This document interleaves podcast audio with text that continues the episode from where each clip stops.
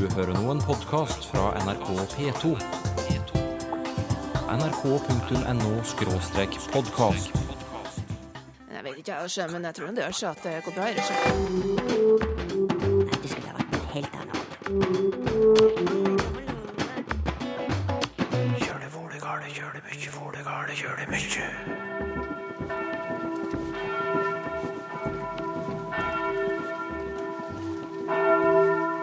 annet. Hallgrimskirkja ønsker meg velkommen tilbake til Island, en mannsalder etter at jeg flyttet herfra. Med sitt 74 meter høye tårn rager kirken over bebyggelsen i Reykjavik. Her bodde jeg i to år. Her lærte jeg islandsk, og jeg har vært spent på hvordan det ville bli å komme tilbake. Vil jeg klare å forstå noe av språket? Vil jeg klare å si noe? Den gangen på 70-tallet oppsto det et slags kjærlighetsforhold mellom meg og det islandske språket. Kraften i det, de spesielle lydene. Jeg elsket å snakke det, og da jeg flyttet hjem og ikke kunne praktisere det lenger, var det et stort savn. Faktisk var det sånn at hvis jeg gikk på en norsk gate og plutselig hørte noen snakke islandsk, kunne jeg følge etter dem flere kvartaler, bare for å oppleve språket igjen puste det inn, så å si. Men et nordisk journalistkurs har brakt meg hit igjen. Og nå går jeg nedover Løygavegur, en av hovedgatene i sentrum, med ørene på stilk for å ta inn lyden av dette tunkumaulid, som jeg synes er så vakkert.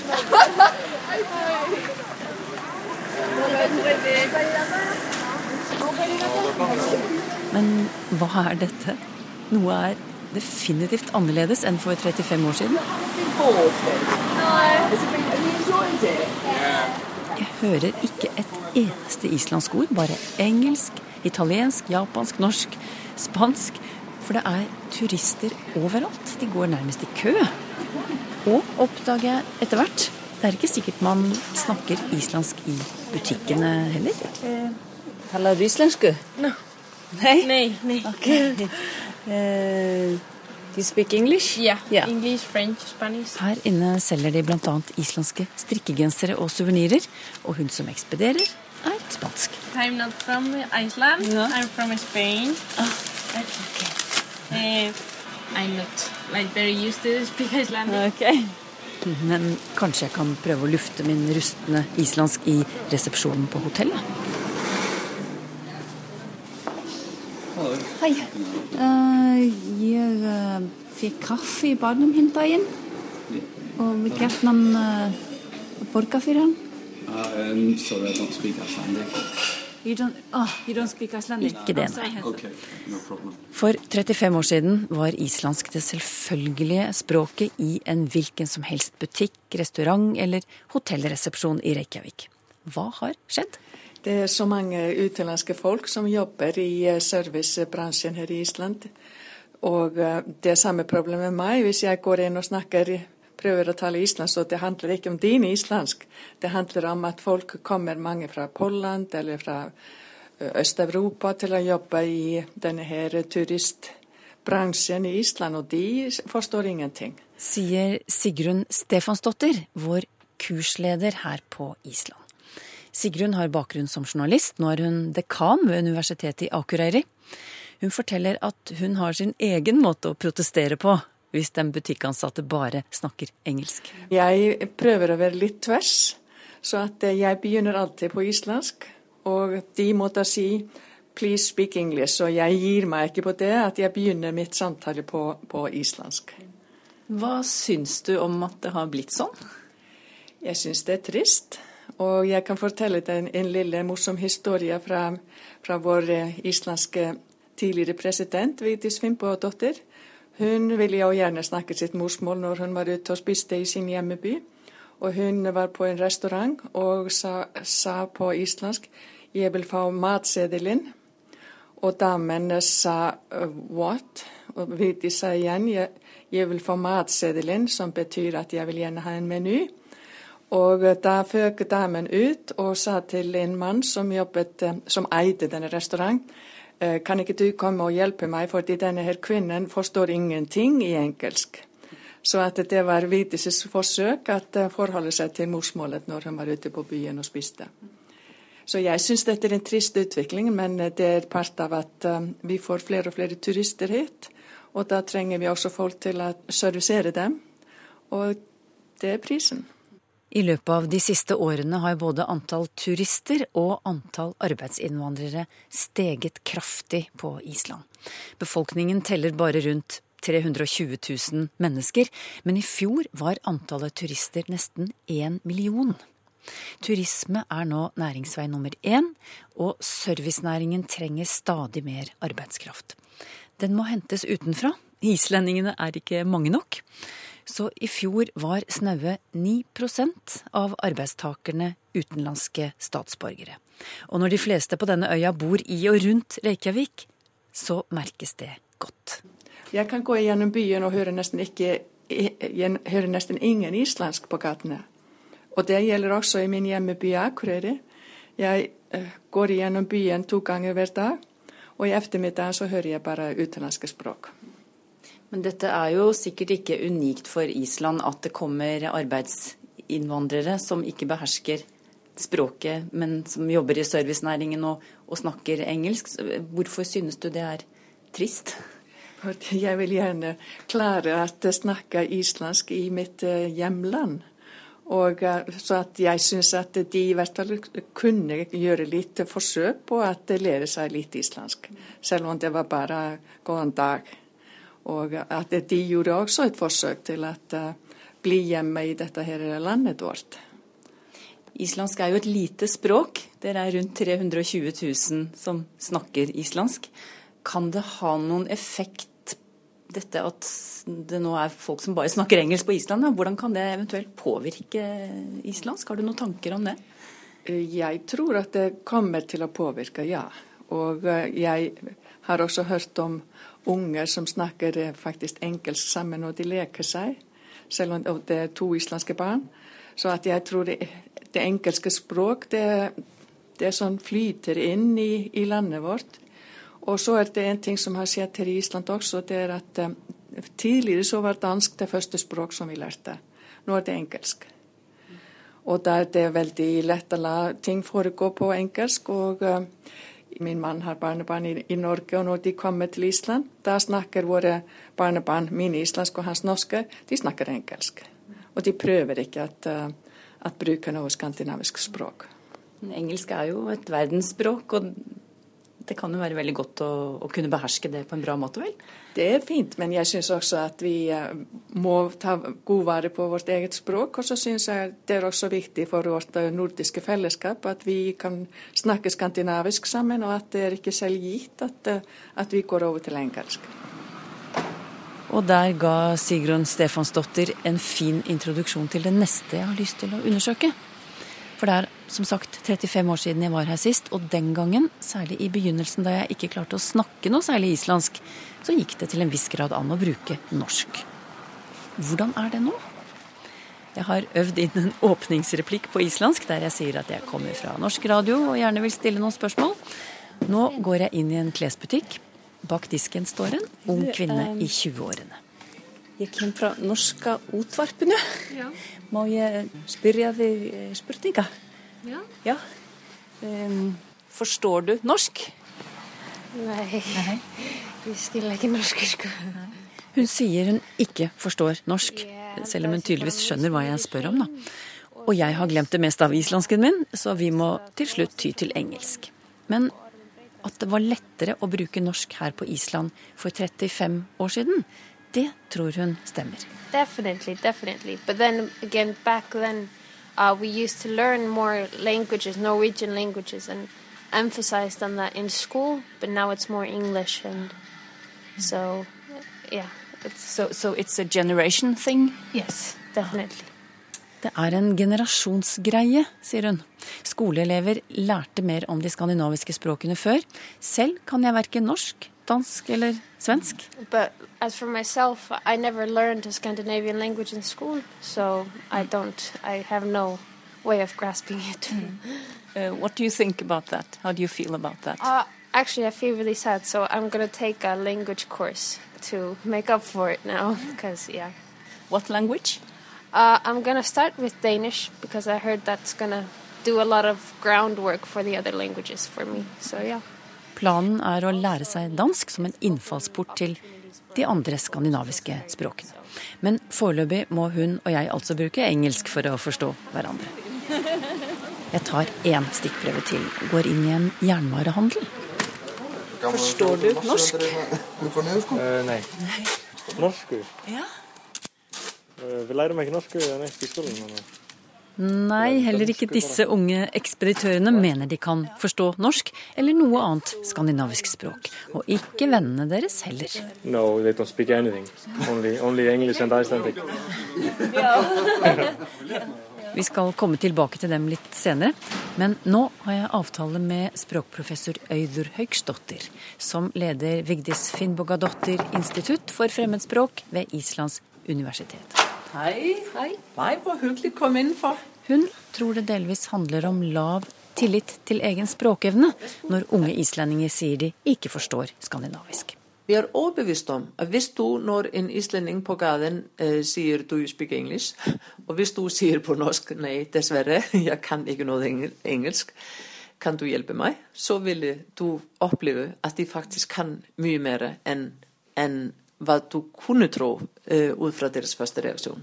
Samtidig viser undersøkelser at å samtale på skandinavisk eh, språk er en utfordring for islendinger, selv om de har fem år med obligatorisk dansk i løpet av grunnskole og videregående skole. Det er ingen tvil om at, eh, at dansk og islandsk ligner hverandre mest på skrift. Det er lettest for islendingene å lære å lese på dansk, men at de, de har sværere ved å forstå talt og de har sværest ved å uttrykke seg muntlig. De har faktisk lettere ved å uttrykke seg skriftlig enn en muntlig. Og det er ikke så rart, mener Audur Haugsdottir. For den geografiske avstanden mellom Island og Skandinavia er stor. De møter sjelden uh, nordboer i deres dagligdag. De, de hører nabospråkene ikke så ofte, og de får sjelden mulighet for å bruke dem. Så jeg er overbevist om at hvis du møter unge mennesker, som selvfølgelig, som alle andre unge i Norden, blir overveldet med engelsk og deltar, bruker engelsk hver eneste dag. Og derfor er det klart at det er mye lettere å ty til engelsk enn at, at bruke nordiske språk. Men var det annerledes før? Stemmer min antagelse om at da jeg bodde her for 35 år siden, var det enklere å gjøre seg forstått på norsk? Altså Det som er annerledes, selvfølgelig, det er den kommunikasjonsflate som engelsk har fått, og den, den, bruken av engelsk innenfor alle, alle områder. Så det er ingen tvil om, hvis vi tenker på de 35 år som du har vært, vært vekk, og du skal jo passe på at det ikke går så lang tid når du kommer neste gang, eh, så er det altså, det er ingen tvil om at eh, den dominans som engelsk har i vår kultur, har selvfølgelig hatt utrolig stor betydning. Det har bl.a. ført til at engelsk nå er det første fremmedspråket barna lærer i skolen. Dansk blir de introdusert for senere. Tidligere var det omvendt. Audur trekker fram en annen faktor som etter hennes mening også svekker forståelsen for skandinaviske språk. Det som har stor betydning, det er den rolle som engelsk har fått på universitetene. Altså engelsk, i for at her i gamle dager så var det jo mye alminnelig da man leste på norsk og dansk og svensk på, på universitetet. Nå er det stort sett faglitteratur på engelsk. Og det betyr selvfølgelig motivasjonen eh, til, at, til og forståelsen for det engelske språks viktighet kommer til å dominere helt kolossalt, altså. Så akkurat som i resten av Norden er engelsk mer til stede i hverdagen enn før, også på Island. Blant annet, som jeg har vært innom allerede, ved at mange ansatte i servicenæringen ikke behersker islandsk. Og, og det, det, tar, det, det, er litt av en utfordring, om man si. Ja, utfordring, hva mener du? Vi var jo vant til før i tiden altså, at, man, at man kunne bruke sitt modersmål men at det skal ha noen negativ effekt på det islandske språket, det er Øydur Haugsdottir ikke bekymret for. Foreløpig, i hvert fall. Mm, jeg vil må si det er en stor, fra, fra, min synsvinkel er det en meget stor forskjell på å bruke et fremmedspråk i noen bestemte situasjoner enn å blande utenlandsk språk med sitt modersmål. Uh, det så vi jo hvis vi tenker på f.eks. på dansk i gamle dager her i Island. Da kritiserte man uh, at islendingene brukte danske ord da de talte islandsk. Men man kritiserte ikke at islendingene brukte dansk til kommunikasjon. Og da synes jeg, Det samme synes jeg er tilfellet. altså at uh, Vi hadde ikke noe imot at, at vi kan beherske og klare oss på flere fremmedspråk. Men hvis det begynner å gå uh, grotesk over vårt modersmål, så er det selvfølgelig en, en, en helt annen og mer alvorlig sak. Og straks får du møte en som tar akkurat dette på det største alvor. På veien dit får vi med oss noen kommentarer fra våre unge islandske ekspeditørvenner. Hva synes de om at de ikke alltid kan bruke morsmålet sitt når de er i butikken eller ute på byen? Um, both sad but also happy because it's bad that I can't speak, by, speak my own language in my own country. But also, I mean, it's opening opportunities for other people, which is also very good. So, what do you feel about it? How do you feel? I don't know. I don't, really don't care. I mean, I love speaking English, Icelandic, don't care. I just love speaking to people. So, doesn't matter either way. Just if we understand each other one or other way, it's fine. Islandsk eller engelsk spiller ingen rolle, bare vi forstår hverandre, meldes det bak disken i jernvarehandelen. Men en som absolutt synes det spiller en rolle, det er språkkonsulent Johannes Bjartni Sigtryggsson. Noe som islendinger selv tenker meg om nå, er, er språket på restaurant eller i servicebransjen. Her på Arutni Magnusson-instituttet for islandske studier i Reykjavik er de litt bekymret for hva den voldsomme veksten i turistnæringen vil bety for det islandske språket. Én ting er at mange av dem som jobber i næringen, bare snakker engelsk. Og Man kan se det også på, på skiltet i, i restauranter og sånn at det er blitt alt mer på engelsk. og På noen steder er det kun på engelsk opplysninger om priser og sånt bare kun på engelsk. Så det er litt eh, Islendinger vet ikke helt hva, hva man hva gjøres nå. Og de, de, fleste vil selvfølgelig vi vil uh, kunne snakke på islandsk på våre restauranter og sånn. Men, men uh, gjør det noen ting, da? Altså, dere er jo så gode i engelsk her på Island. Gjør det noe om du må bruke engelsk Eh, fordi det står en, en, bak disken som faktisk ikke forstår islandsk, men som gjør en viktig jobb. ja.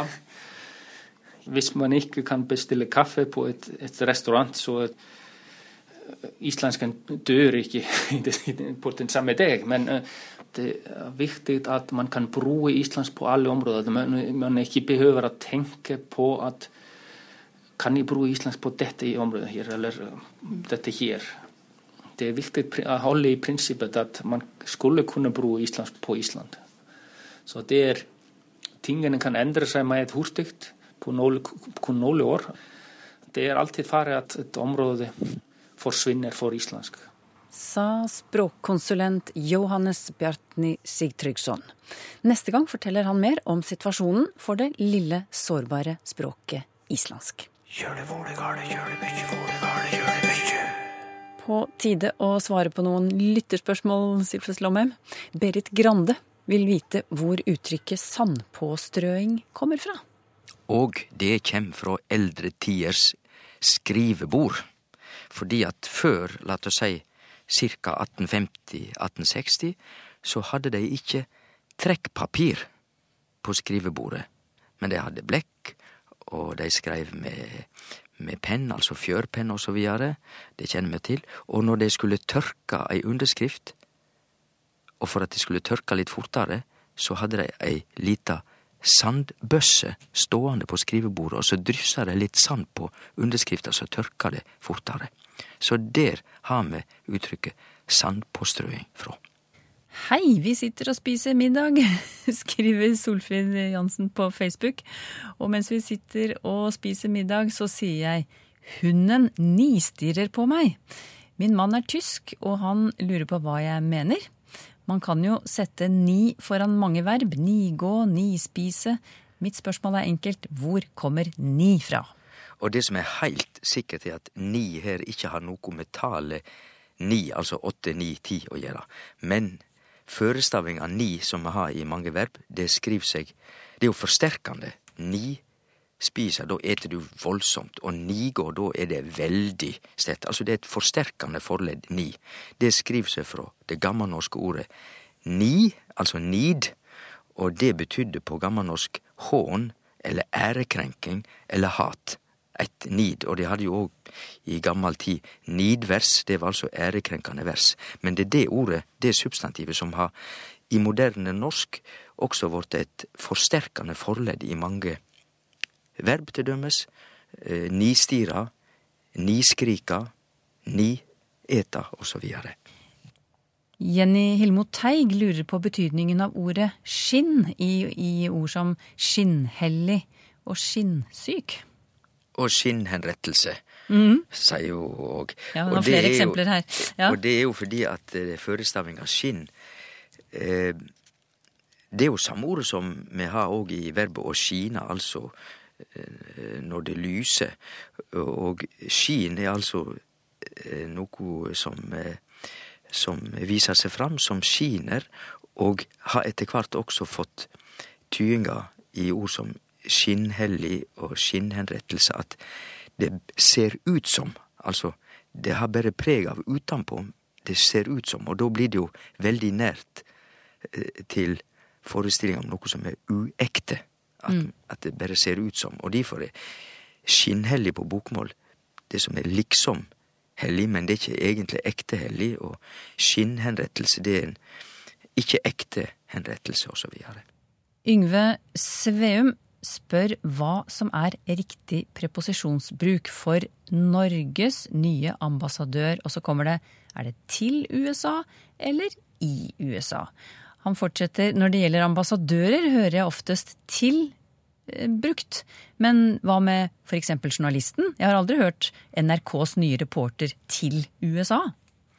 Nei, og det har vel ingen av oss. Så det heter en reporter eh, som arbeider i USA, og på vegne av NRK. Så den er vel grei nok. Eh, og det med å rapportere En reporter er jo en som rapporterer, og det betyr å melde fra. Men ambassadør, der ser vi oftere og oftere, syns jeg nå, ambassadør til USA. Og det er jo fordi at ambassadør egentlig er en sendemann eller sendekvinne til et annet land på vegne av norske styresmakter. Og hvis du har en sendemann eller sendekvinne, så er ikke det så unaturlig å ha til USA, til Frankrike osv. Det er bakgrunnen. Men jeg vil jo påstå at du også kan bruke ambassadør i USA. Det kan jo ikke være gale, det heller.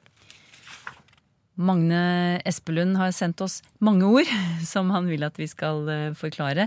Eh, Vi har bestemt oss for å plukke ut ett sylfest, og da syns vi at tafatt kunne være litt artig å kommentere. Ja, og den første delen av tafatt er jo å ta, og det trenger jeg ikke forklare, men fatt er ikke å fatte, som også betyr å ta eller gripe. Fatt er ei forvansking av fått eller få, og det betyr jo lite, altså ikke mange, ikke mykje. Så ta fatt betyr å ta lite, og er du tafatt, så er ikke det mykje du greier. Om uttale nå. Han, eh, Simon Søbstad Bensnes eh, lurer på hvorfor vi uttaler parlament, parlament og departement på så ulike måter. Til tross for at de formodentlig har samme opphav, sier han. Eh, De har i hvert fall samme endelse, men jeg vet ikke hvordan det er med opphavet. Sylfus Nei, han, han tenker vel kanskje på at begge da kommer fra fransk, siden det ender på MENT, og at vi uttaler det ofte kompliment, komplement, departement, og hvorfor da ikke parlament. Men eh, årsaka er nok at vi rett og slett ikke har fått parlament fra fransk. Vi, vi har fått det egentlig via tysk, men det er jo heller ikke tysk. Dette kommer fra latin, og parlare, altså betyr jo å snakke, så parlament er en stad der du snakker sammen, forhandler. Og så departement, det har vi, som en skulle tru, rett fra fransk departement. Og det, det franske verbet departir betyr jo å dele opp, slik at departement betyr det som er delt opp, med andre ord ei avdeling. Og det er derfor at fylket på, på fransk heter departement, men på norsk betyr departement ikke ei geografisk avdeling, men rett og slett ei administrativ avdeling, altså departement. Mona Undisdatter eh, tar for seg det norske ordet gjest og det engelske guest og det engelske ghost. De er ganske like, skriver hun. Uh, Fins det en sammenheng? Eh, både ja og nei. Altså, det er ingen sammenheng mellom ghost og guest. Guest på engelsk er det samme som vårt gjest, det forstår vi nok, men ghost er i slekt med det tyske geist, og da hører vi at det betyr ånd. Og vi har jo òg ølgeis på norsk. Det er den pusten, ånden, som kommer ut av munnen når man drikker øl, for eksempel. Men gest og gjest er interessant. Det er et gammelt germansk ord, og vi veit hva det tyder i moderne tid, men i rettelig gammel tid så var det rett og slett et ord for ein framand person. Og ein framand person var jo ofte det samme som ein gjest. Rasmus Bakken skriver til oss og spør om det er riktig å si farvel når det er en selv som reiser. Er det ikke den som står igjen, som eh, skal si farvel? Jau, strengt teke så er det jo når du sier farvel, så ønsker du at en person skal fara vel. Nå må du gå det godt på de faring, altså de reiser. Og eh, det betyr jo at det blir litt rart å si farvel til en som ikke skal reise, men som bare står der. Jeg er ikke sikker på om jeg ville eh, retta det om noen brukte farvel på begge måter slik, men jeg ville iallfall eh, sjøl bare bruke farvel når jeg eh, sa det til noen som skulle ut og reise. Nils Kristian eh, Sørensen vil at vi skal forklare et ord han syns klinger litt merkelig. Nysgjerrig i forhold til betydningen det har. Nyfiken er like merkelig, skriver han. Hva kan dere fortelle meg?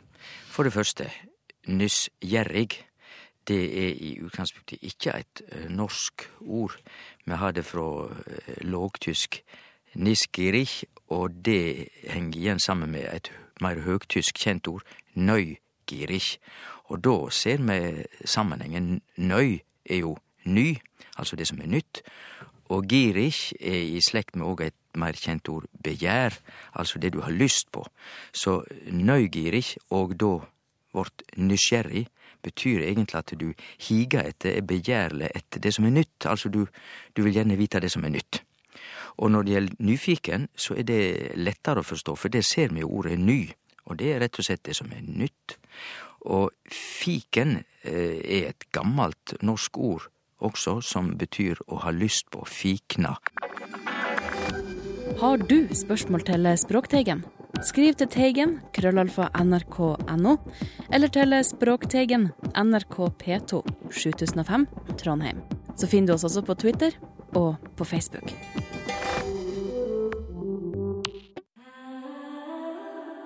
nrk.no podkast.